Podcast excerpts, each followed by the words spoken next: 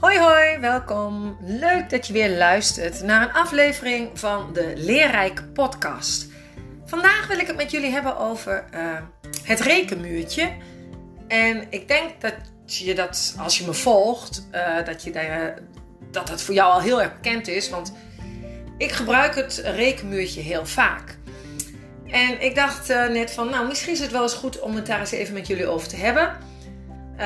waarom ik het gebruik. En waarom het dus ook zo belangrijk is volgens mij. En uh, misschien dat jij als ouder dan ook uh, iets meer inzicht krijgt in hoe het rekenen in elkaar zit. Nou, sorry. Het rekenmuurtje. Het rekenmuurtje, nou, um, is een muurtje waarin eigenlijk alle vaardigheden zitten van het rekenen. Dus allerlei doelen. Nou, uh, een rekenmuurtje begint makkelijk en wordt steeds moeilijker. Dus hoe hoger je komt, hoe uh, moeilijker de doelen zijn. De vaardigheden, de rekenvaardigheden, zeg maar. Oké. Een rekenmuurtje, um, dat moet altijd stevig staan. Dat zeg ik heel vaak. Uh, ik zeg ook heel vaak, je moet wel kijken even naar het rekenmuurtje. Nou, hoezo? Stel je voor, jij gaat een muur metselen of een toren bouwen of wat dan ook. Dan weet je al dat het fundament, de basis heel goed moet zijn. Ook als je gaat bouwen en je hebt er een, scheef, uh, een scheve uh, hoe heet dat, uh, steen tussen zitten, dan weet je al dat het, nou ja, dat het niet goed is voor de kwaliteit van de muur. Dat die misschien wel kan gaan wankelen. Wat als er zelfs een aantal stenen niet eens in de muur zitten? Je kunt je voorstellen, als jij een stevige muur wil bouwen, dan moeten alle stenen moeten er goed recht in zitten en goed stevig. Goed. Zo werkt dus ook het rekenmuurtje. Het rekenmuurtje, um, ja, daar zitten dus alle vaardigheden in. Je begint eigenlijk met het fundament wat gelegd wordt in groep 1 en 2. Het getalbegrip, het tellen, hoeveelheden overzien, kunnen splitsen, enzovoort, enzovoort. Dat, daar begin je mee. Oh, ik moet even de hond binnenlaten. Denk, wat hoor ik nou op de achtergrond? Dat is mijn praktijkhond, zeg ik altijd. Bentley. Die wil even bij me gaan liggen. Oké. Dus de basis moet goed zijn. En dan ga je bouwen. En de eerste stenen, uh, eerste laag is dus het getal, getalbegrip. Dus dat je alle getallen uh, kent tot 10, maar ook wat meer, minder is, de hoeveelheden kunt overzien. Eigenlijk wat je dus doet in de kleutergroepen, maar ook in het eerste halfjaar van groep 3. Want eigenlijk uh, komen de echte sommen pas uh, halverwege groep 3. Dat valt sommige ouders wel eens tegen. Die denken, nou, in groep 3, nu gaan we rekenen. Nee, die basis moet echt voldoende aanwezig zijn. Dus dan wordt het echt nog extra geoefend. Zodat ze, nou ja, de kinderen er klaar voor zijn om met de optel- en aftreksommetjes te gaan beginnen. Nou, dat zijn dus de basisstenen onderin. Nou, het splitsen zit erbij. Uh, uh, je moet minsommen kunnen, minsommen en uh, plussommen tot 10. En dan ga je over naar 10 tot 20. Dan krijg je ook nog die overgangssommen, weet je wel, 5 plus 6. Oh, dat is lastig, want er zit die 10 tussen. Nou, en zo ga je verder. Een hele belangrijke steen is ook de tafels. De steen van de tafels. Je hebt de makkelijke tafels van groep 4, maar dan die lastige tafels uh, 6, 7, 8, 9, die dan in 5 worden aangeboden.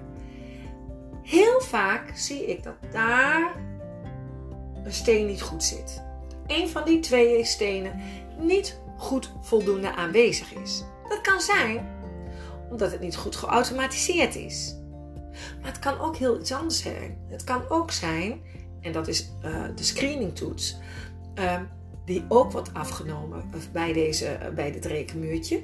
Het kan ook zijn dat het begrip er niet voldoende aanwezig is, dat een kind niet precies weet um, ja, wat de tafels zijn.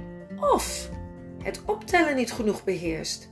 En tafels, dat, zijn, uh, dat is toch eigenlijk niks anders dan herhaald optellen. Nou, het geeft dus heel veel inzicht in het rekenen van een kind. Want uh, als een kind uh, moeite heeft met rekenen, zie ik dat heel veel uh, ouders scholen of wat dan ook, gaan oefenen, oefenen, oefenen. Maar ik kijk het liefst naar het rekenmuurtje. Dus bijna alle kinderen nou, die hier met rekenproblemen komen, dan neem ik altijd eerst een Bareka-toets af.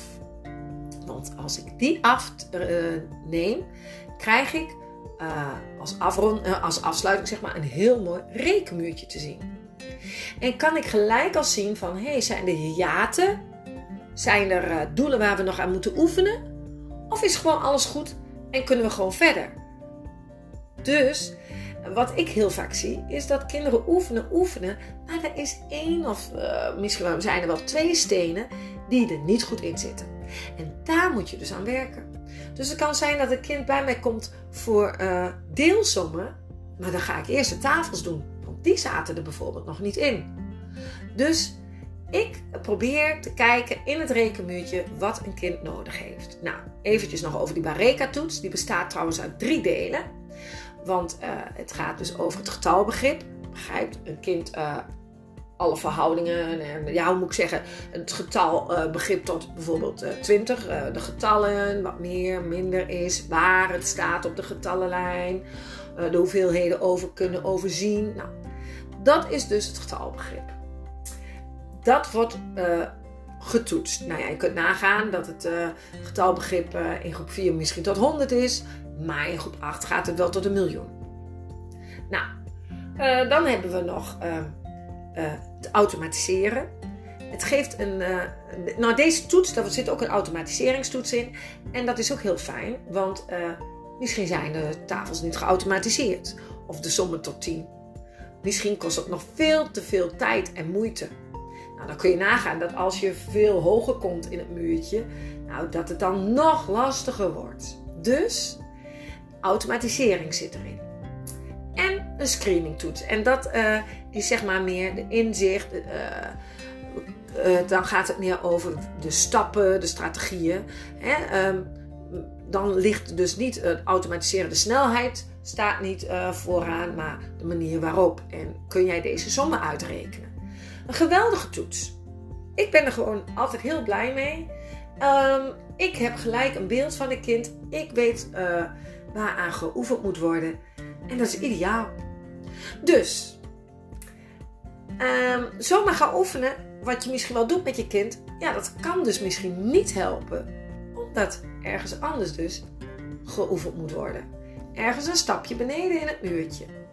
Nou, als je denkt van, hé, hey, ja, daar wil ik eigenlijk wel meer van weten, kun je me altijd mailen. Je kunt me altijd uh, mailen en... Uh, je kunt ook, misschien wil je wel graag dat ik een uh, Bareka afneem. Uh, dat kan, kun je ook bij mij komen. Um, want naar aanleiding van die Bareka kan ik ook nog een diagnostisch gesprek doen. Als je dat zou willen. Dat is nog weer een stap verder. Dan krijg ik nog meer inzicht. Maar goed, als je denkt, hey, dat lijkt me wel interessant. Uh, mail me maar. je mag me ook een persoonlijk bericht sturen op Facebook of op Insta. En uh, dan zal ik met jou contact opnemen. Dus kijk goed, is de basis aanwezig? Ga daaraan werken. Nou, dat wou ik even kwijt. Hey, uh, ik wou zo zeggen, maak er nog een hele mooie dag van. Doei doei!